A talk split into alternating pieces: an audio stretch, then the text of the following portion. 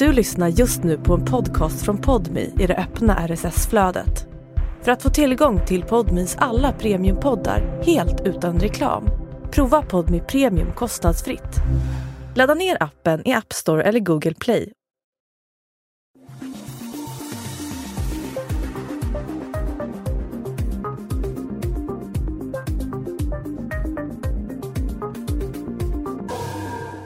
Under julen 1999 hände det någonting anmärkningsvärt och fruktansvärt i Skogås.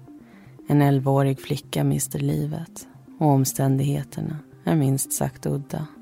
Under flera dagar har det hörts skrik, gråt och stampningar inifrån hennes bostad. Oroliga grannar har kallat på polis två gånger. Men det är först när samtal nummer tre kommer som polisen med egna ögon får se vad som faktiskt försiggått. Hur en familj fattat misstankar om att flickan varit förhäxad, besatt av onda andar. Och för att rädda sig själva bestämde de sig för att straffa henne.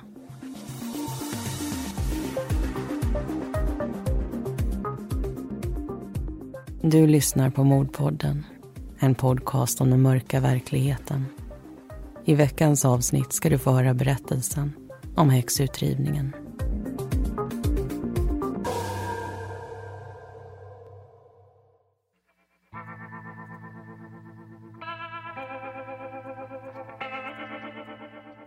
December 1999. Vi befinner oss i Skogås, söder om Stockholms stadskärna intill sjöarna Magelungen och Drevviken. Utomhustemperaturen växlar mellan några minusgrader och några plus. På farstukvistar och balkonger skymtar pynt och juldekorationer. Det är bara några dagar kvar till julafton och för den som ännu inte hunnit handla är det dags att plocka på sig sillburkar, prinskorv och annat som ska upp på julbordet. Att slå in klappar, klura på något bra rim och gömma undan presenter från nyfikna barns ögon. Men det råder inte julfrid överallt. Några hundra meter ifrån Skogås station står ett lägenhetshus på en återvändsgata. Porten är målad röd och ovanför det står siffran fyra. Högst upp, på femte våningen, innanför en av flera ytterdörrar, bor en familj på sju. Mamma Ariane är 36 år. Hennes make Francis, 41. De har varit gifta i sju år och har två döttrar ihop. I september växte familjen ytterligare då tre till flyttade in. Det var Francis idé. När han kom till Sverige från Kongo berättade han att han hade fyra barn, något som inte var sant. Efter att han och Ariane varit gifta en tid frågade Francis om hon hade någon som hon ville ta med till Sverige. Ariane kom att tänka på sin lilla syster Desiree som tvingats sluta skolan på grund av deras mammas ekonomi samt systersonen Samuel. Francis i sin tur tänkte på Nicole, den dotter han fick med sin före detta. De bestämde sig för att alla tre skulle komma och bo hos dem. Förberedelserna tog dock tid och det var först i september 1999 som planerna blev till verklighet. 11-åriga Nicole, 12-åriga Samuel och 17-åriga Desiree blev officiellt en del av familjen. Men lyckan skulle inte vara och under hösten förändrades den rogivande tillvaron till en fylld med oro och spänningar.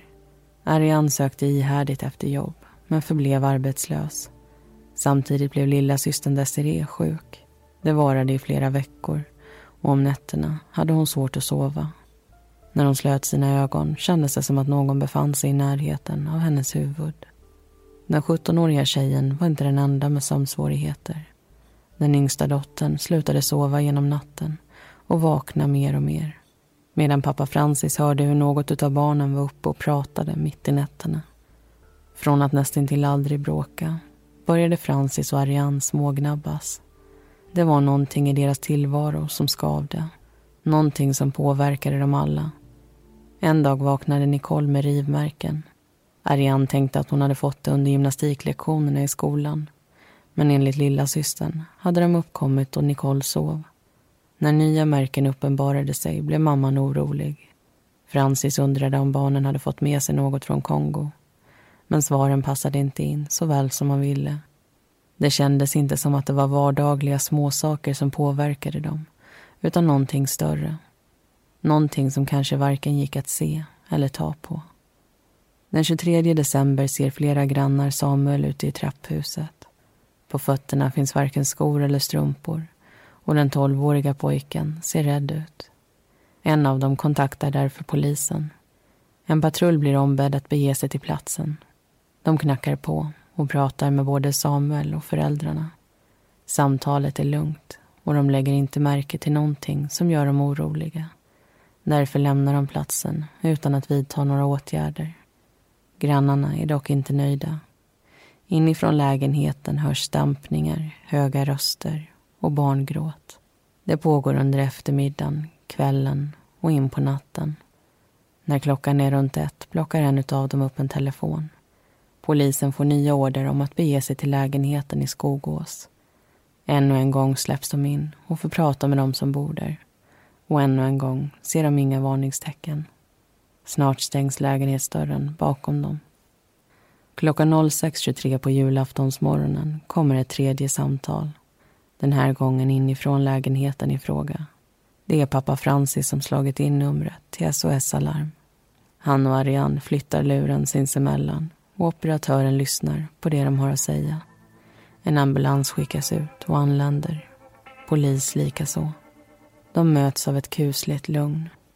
En familj som verkar oberörd och likgiltig trots att det ligger en död flicka i en våningssäng.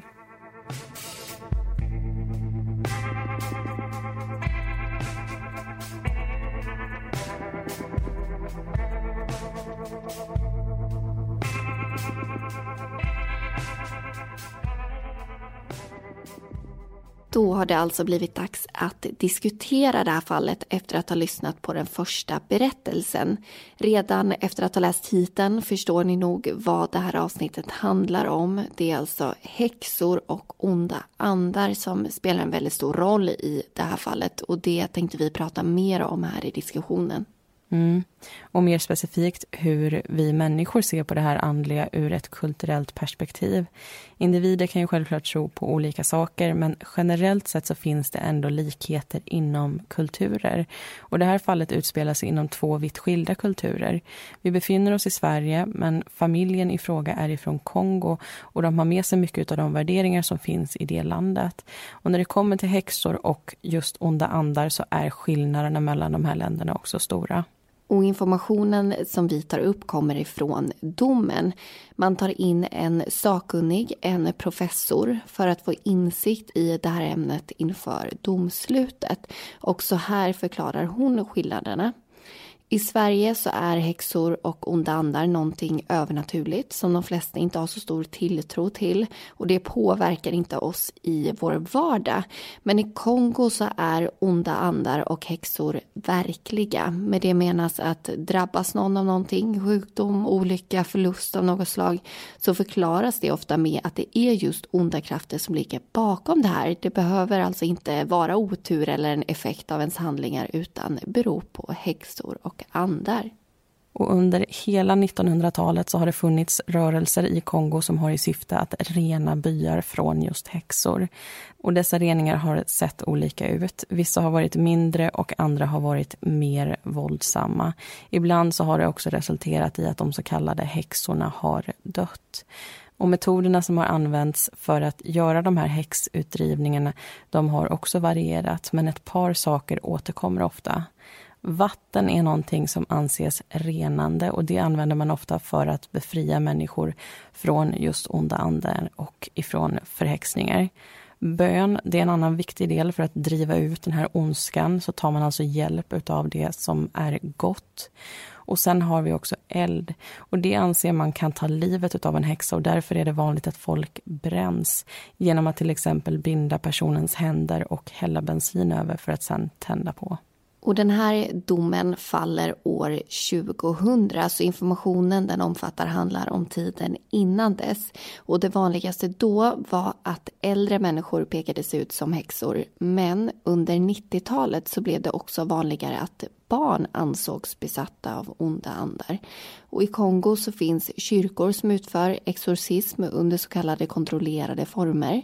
Men de här reningarna i byarna är alltså någonting annat. Där utförs det under helt andra former.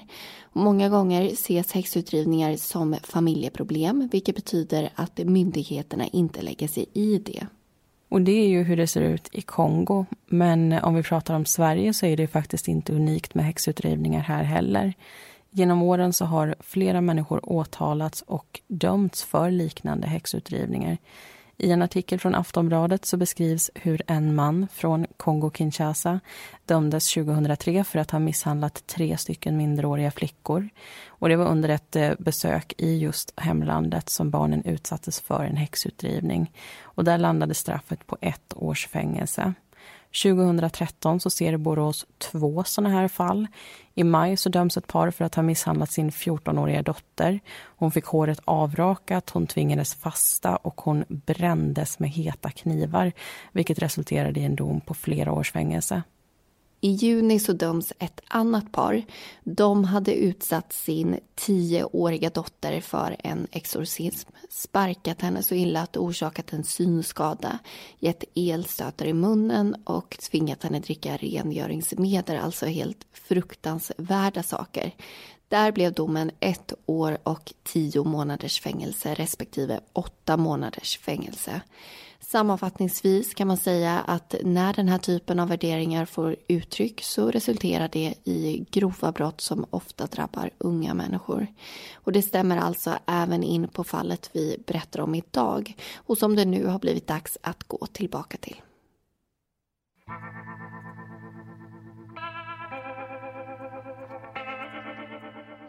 Den 22 december är en onsdag.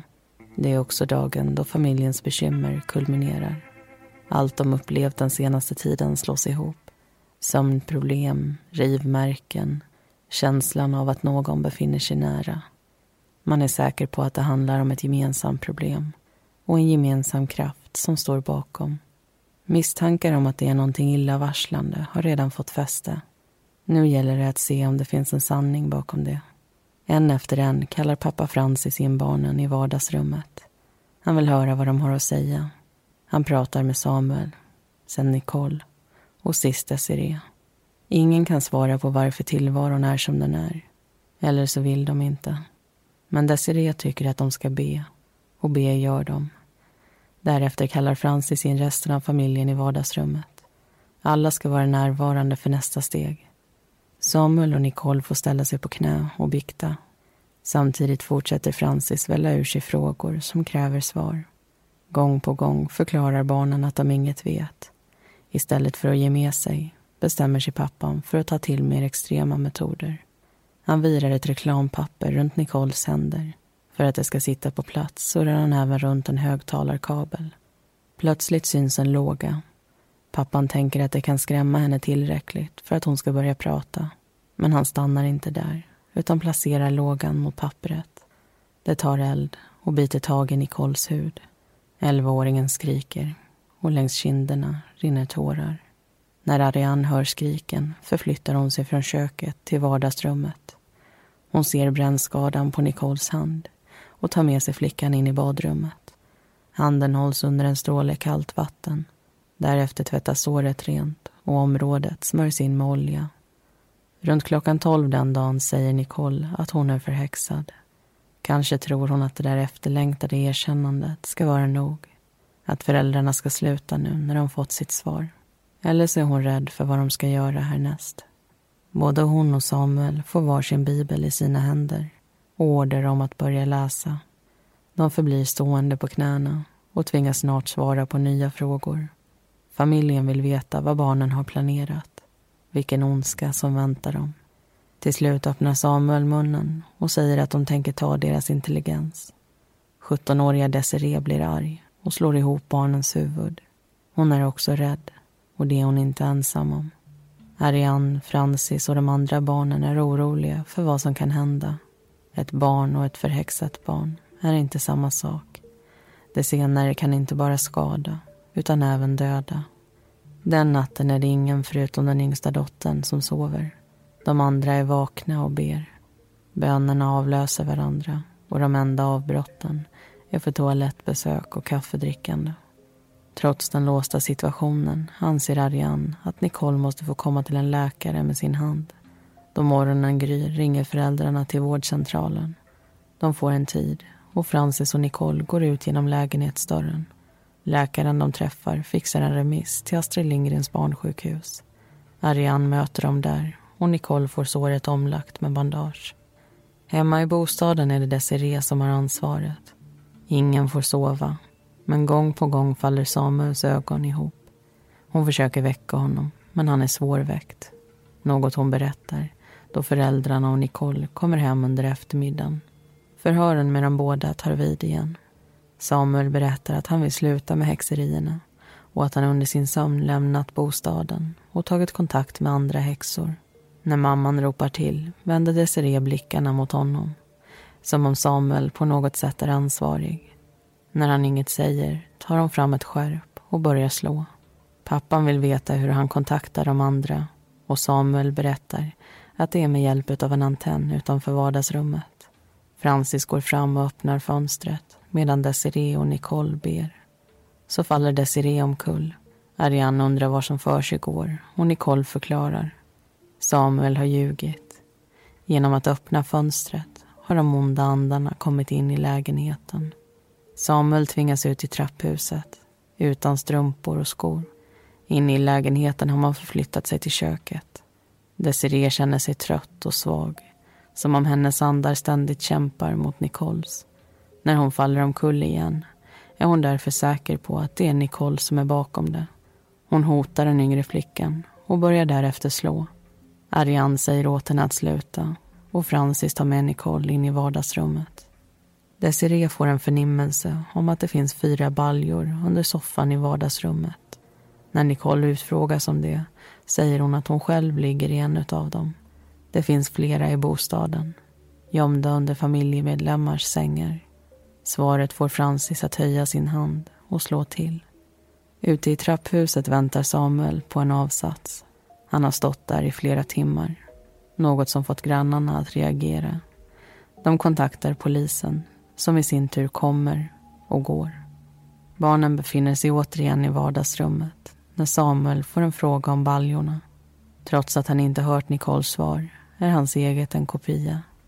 Föräldrarna börjar be igen men blir arga då de ser att barnens tår vidrör varandras. Det ses som ett tecken dem emellan och Francis börjar slå. Först med öppen hand och sen med ett skärp. Slagen träffar både Nicole och Samuel över hela Head over to Hulu this March, where our new shows and movies will keep you streaming all month long. Catch the award winning movie Poor Things, starring Emma Stone, Mark Ruffalo, and Willem Dafoe. Check out the new documentary, Freaknik The Wildest Party Never Told, about the iconic Atlanta Street Party. And don't miss FX's Shogun, a reimagining of the epic tale starring Anna Sawai. So, what are you waiting for? Go stream something new on Hulu. Ryan Reynolds here from Mint Mobile. With the price of just about everything going up during inflation, we thought we'd bring our prices down. So to help us, we brought in a reverse auctioneer, which is apparently a thing. Mint Mobile unlimited premium wireless. Ready to get 30, 30, bit to get 30, bit to get 20, 20, 20, bit to get 20, 20, bit to get 15, 15, 15, 15 just 15 bucks a month. So, Give it a try at mintmobile.com slash switch. $45 upfront for three months plus taxes and fees. Promo rate for new customers for limited time. Unlimited more than 40 gigabytes per month. Slows. Full terms at mintmobile.com. kroppen. Det är för många för att räkna. Men varken Ariane eller Desiree säger åt honom att sluta. Ju mer han slår, desto mer berättar barnen.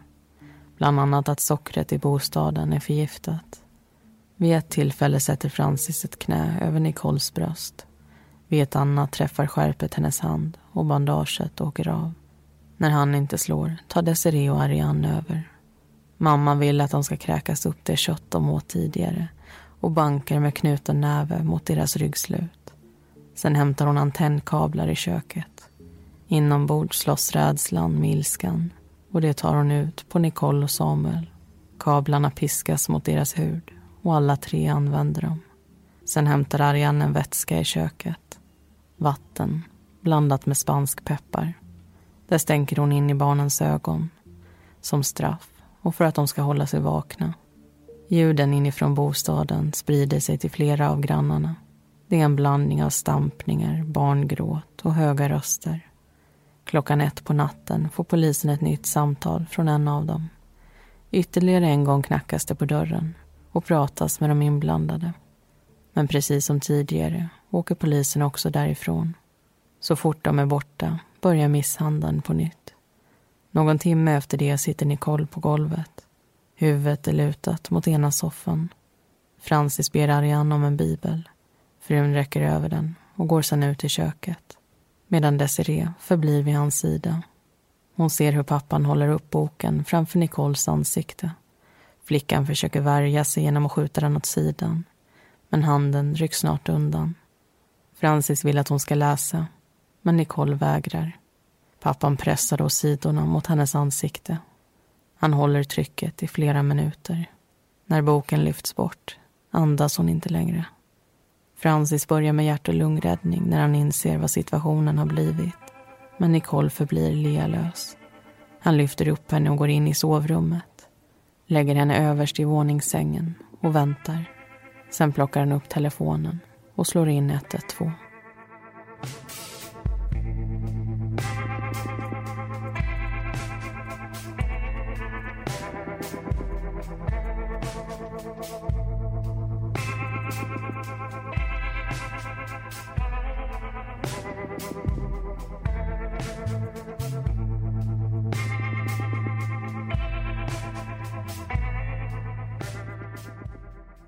Har vi precis lyssnat klart på den andra berättelsen och det har blivit dags för en ny diskussion.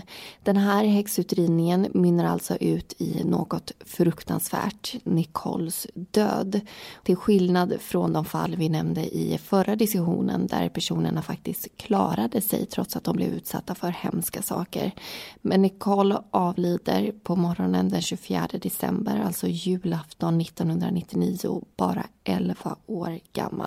Och då har de här förhören och misshandeln pågått under ungefär två dagar. Och vi ska ju prata lite om tortyr i den här diskussionen. För det finns ju beståndsdelar i det här fallet som faktiskt passar in där. Tortyr har ju använts i olika former långt tillbaka i historien. Det har ju både varit för att avskräcka människor från att göra olika saker men också för att få folk att eh, berätta sanningen om något. Och när det kommer till det senare så är det ingen bra metod.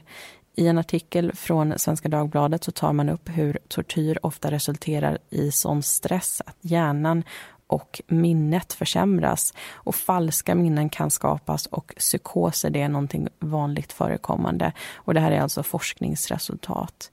Och det skrivs också om hur den som blir utsatt för tortyr anstränger sig för att säga det som torterarna vill höra. Alltså inte sanningen utan någonting som är framkallat och även anpassat till situationen. Och tortyr behöver inte alltid vara en variant där våld växlas med förhör, vilket vi i och för sig ser i det här fallet. Det kan också vara att man inte tillåter den utsatta att äta, dricka eller sova. Och i Nicole och Samuels fall är det också en komponent. Under två nätter så tvingas de hålla sig vakna vilket betyder att kroppen och hjärnan aldrig får en chans att återhämta sig. Och det de utsätts för blir konstant. Så de bryts ner både fysiskt och psykiskt. Och resultatet av den här bränningen, de här bönerna och slagen det blir ju att de gör precis det som Svenska Dagbladet skriver om. De berättar det som de tror att Francis, Ariane och Desiree vill höra.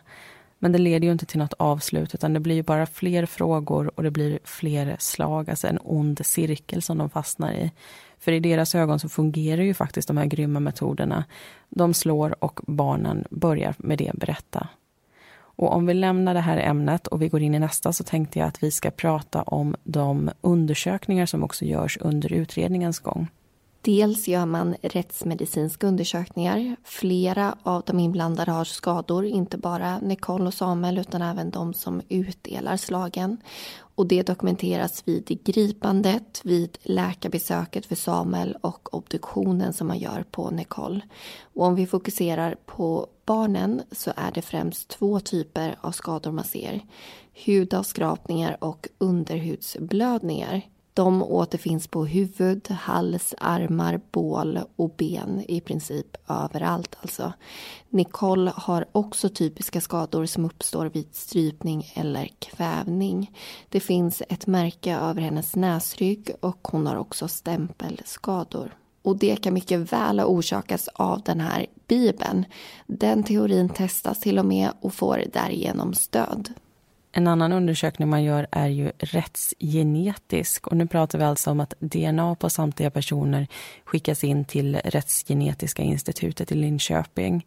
Och det här beror ju på vad Francis har berättat i förhör, att barnen inte är hans barn fastän han har sagt så till myndigheterna.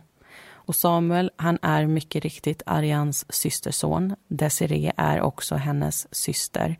Men Nicole är faktiskt inte släkt med någon av dem.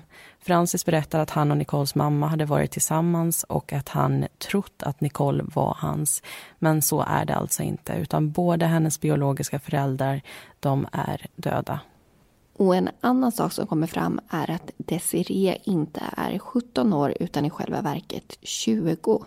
Och genom den franska polisen får man också veta mer om Francis.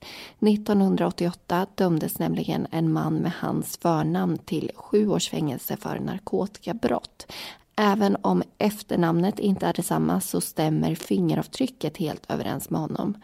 Francis själv menar dock att det måste ha blivit fel. Men sista berättelsen runt hörnet finns det en sak till att ta upp och det är Ariane och Desiree. Ja, och båda två kommer ju att dömas för sin involvering i det här fallet. Men man hittar också förmildrande omständigheter hos just de här två kvinnorna. Och det tänkte jag att vi ska ta upp i förväg och berätta om nu i diskussionen. Straffskalan för misshandel av normalgraden den är högst två år i fängelse medan grov misshandel ska bedömas till mellan ett år och tio års fängelse. Vid tidpunkten för det här fallet var dock taket för grov misshandel sex år, så det har skärpts sedan dess. Eh, och den förmildrande omständigheten som man ser hos Ariane det är att hon är mindre delaktig i våldet än just Francis och Desiree. Ofta så är hon i andra rum när de slår och därför anses inte det lika grovt. Och Desiree i sin tur har två saker som anses förmildrande. Dels hennes ålder, hon har precis fyllt 20 år och dels det rättspsykiatriska utlåtandet som skrivs. I det står det bland annat så här. Hennes kulturellt inhämtade föreställningar är så intensiva att de i svensk miljö framstår som uttryck för psykisk sjuklighet. En paranoid psykos med megaloman drag, hallucinationer och vanföreställningar. Hur det här påverkar straffen ska vi lyssna till nu. Men vi ska börja lite tidigare i tidslinjen innan SOS Alarm tar emot det där samtalet.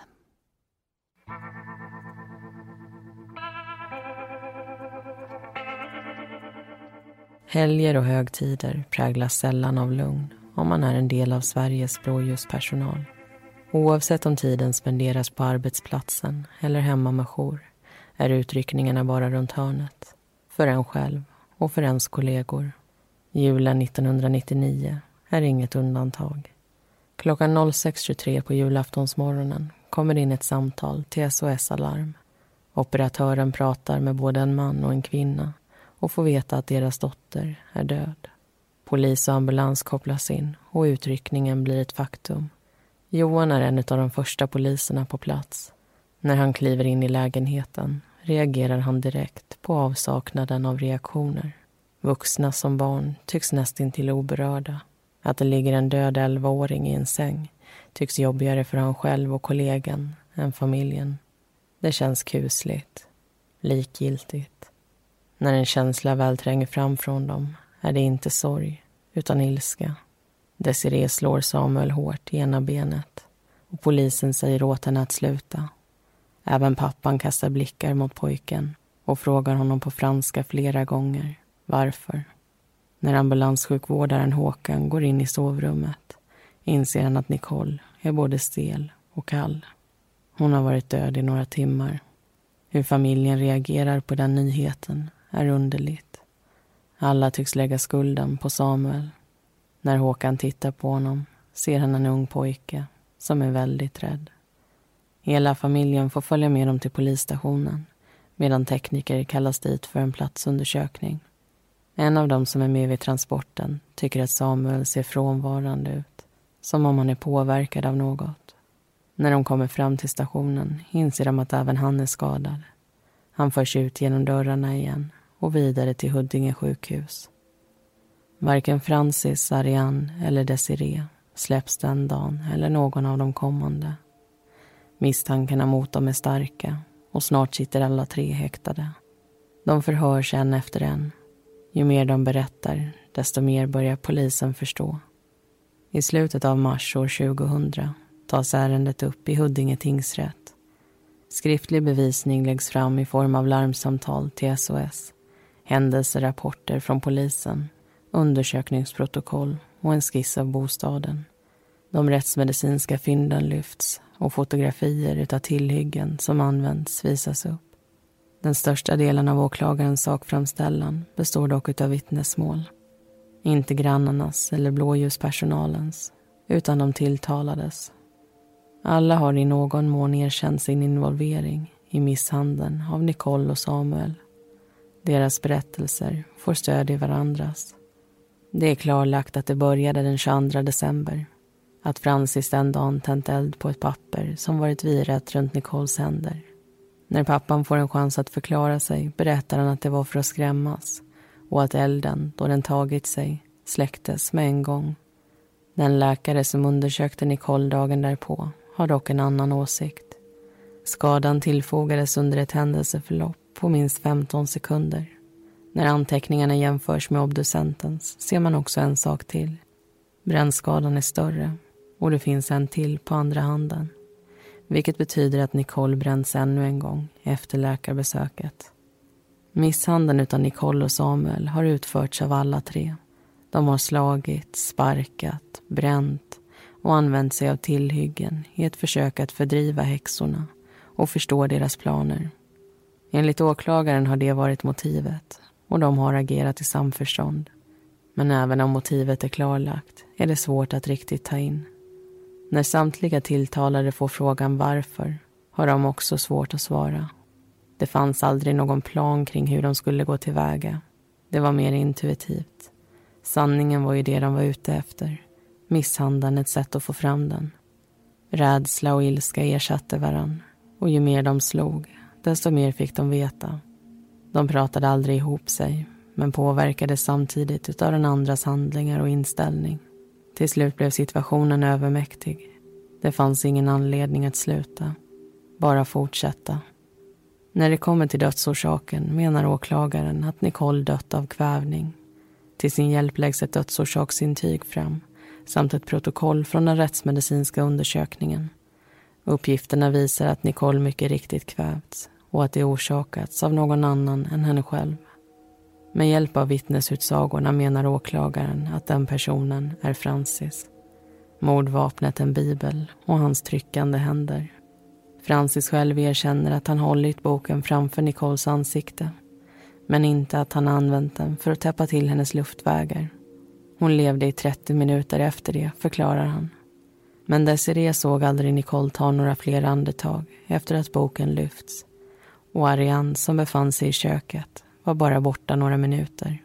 När hon kom tillbaka såg även hon Nicole ligga död.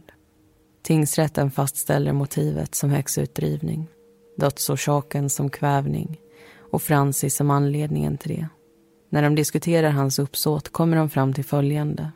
Att trycka Bibeln mot Nicoles ansikte behöver inte ha varit en planerad handling. Men då sekunder blev till minuter måste pappan ha förstått vad som skulle hända.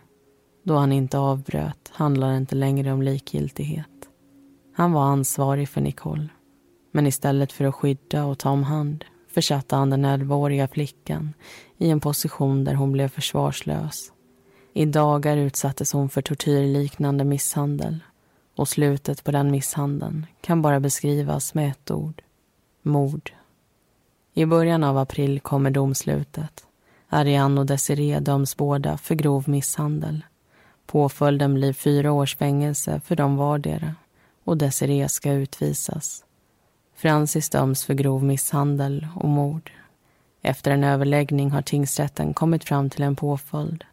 Det finns inga förmildrande omständigheter för honom, bara försvårande. Därför döms han till livstidsfängelse. Både han och Desiree överklagar till Svea hovrätt och i början av sommaren får de ta del av deras beslut. Tingsrättens dom står fast och därmed också deras påföljder. Julen 1999 blev allt annat än den borde. Det borde ha varit en tid för en familj att gå samman. Istället bildades två läger. Det borde ha varit en tid då vuxna skyddade sina barn. Men vårdnad byttes ut mot våld. Tårar möttes av ilska. I efterhand förklarar Ariane att det enda hon försökte göra var gott. Francis i sin tur menar att det aldrig handlade om att skada, utan att befria. Varför det blev som det blev är svårt att sätta ord på.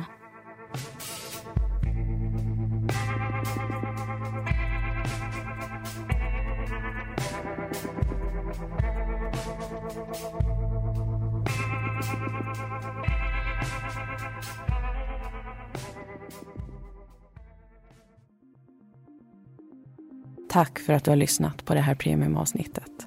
Alla heter egentligen någonting annat och informationen är hämtad ifrån domarna i fallet och artiklar från Aftonbladet och Svenska Dagbladet. Nästa vecka så är vi tillbaka igen med ett nytt önskefall. Missa inte det.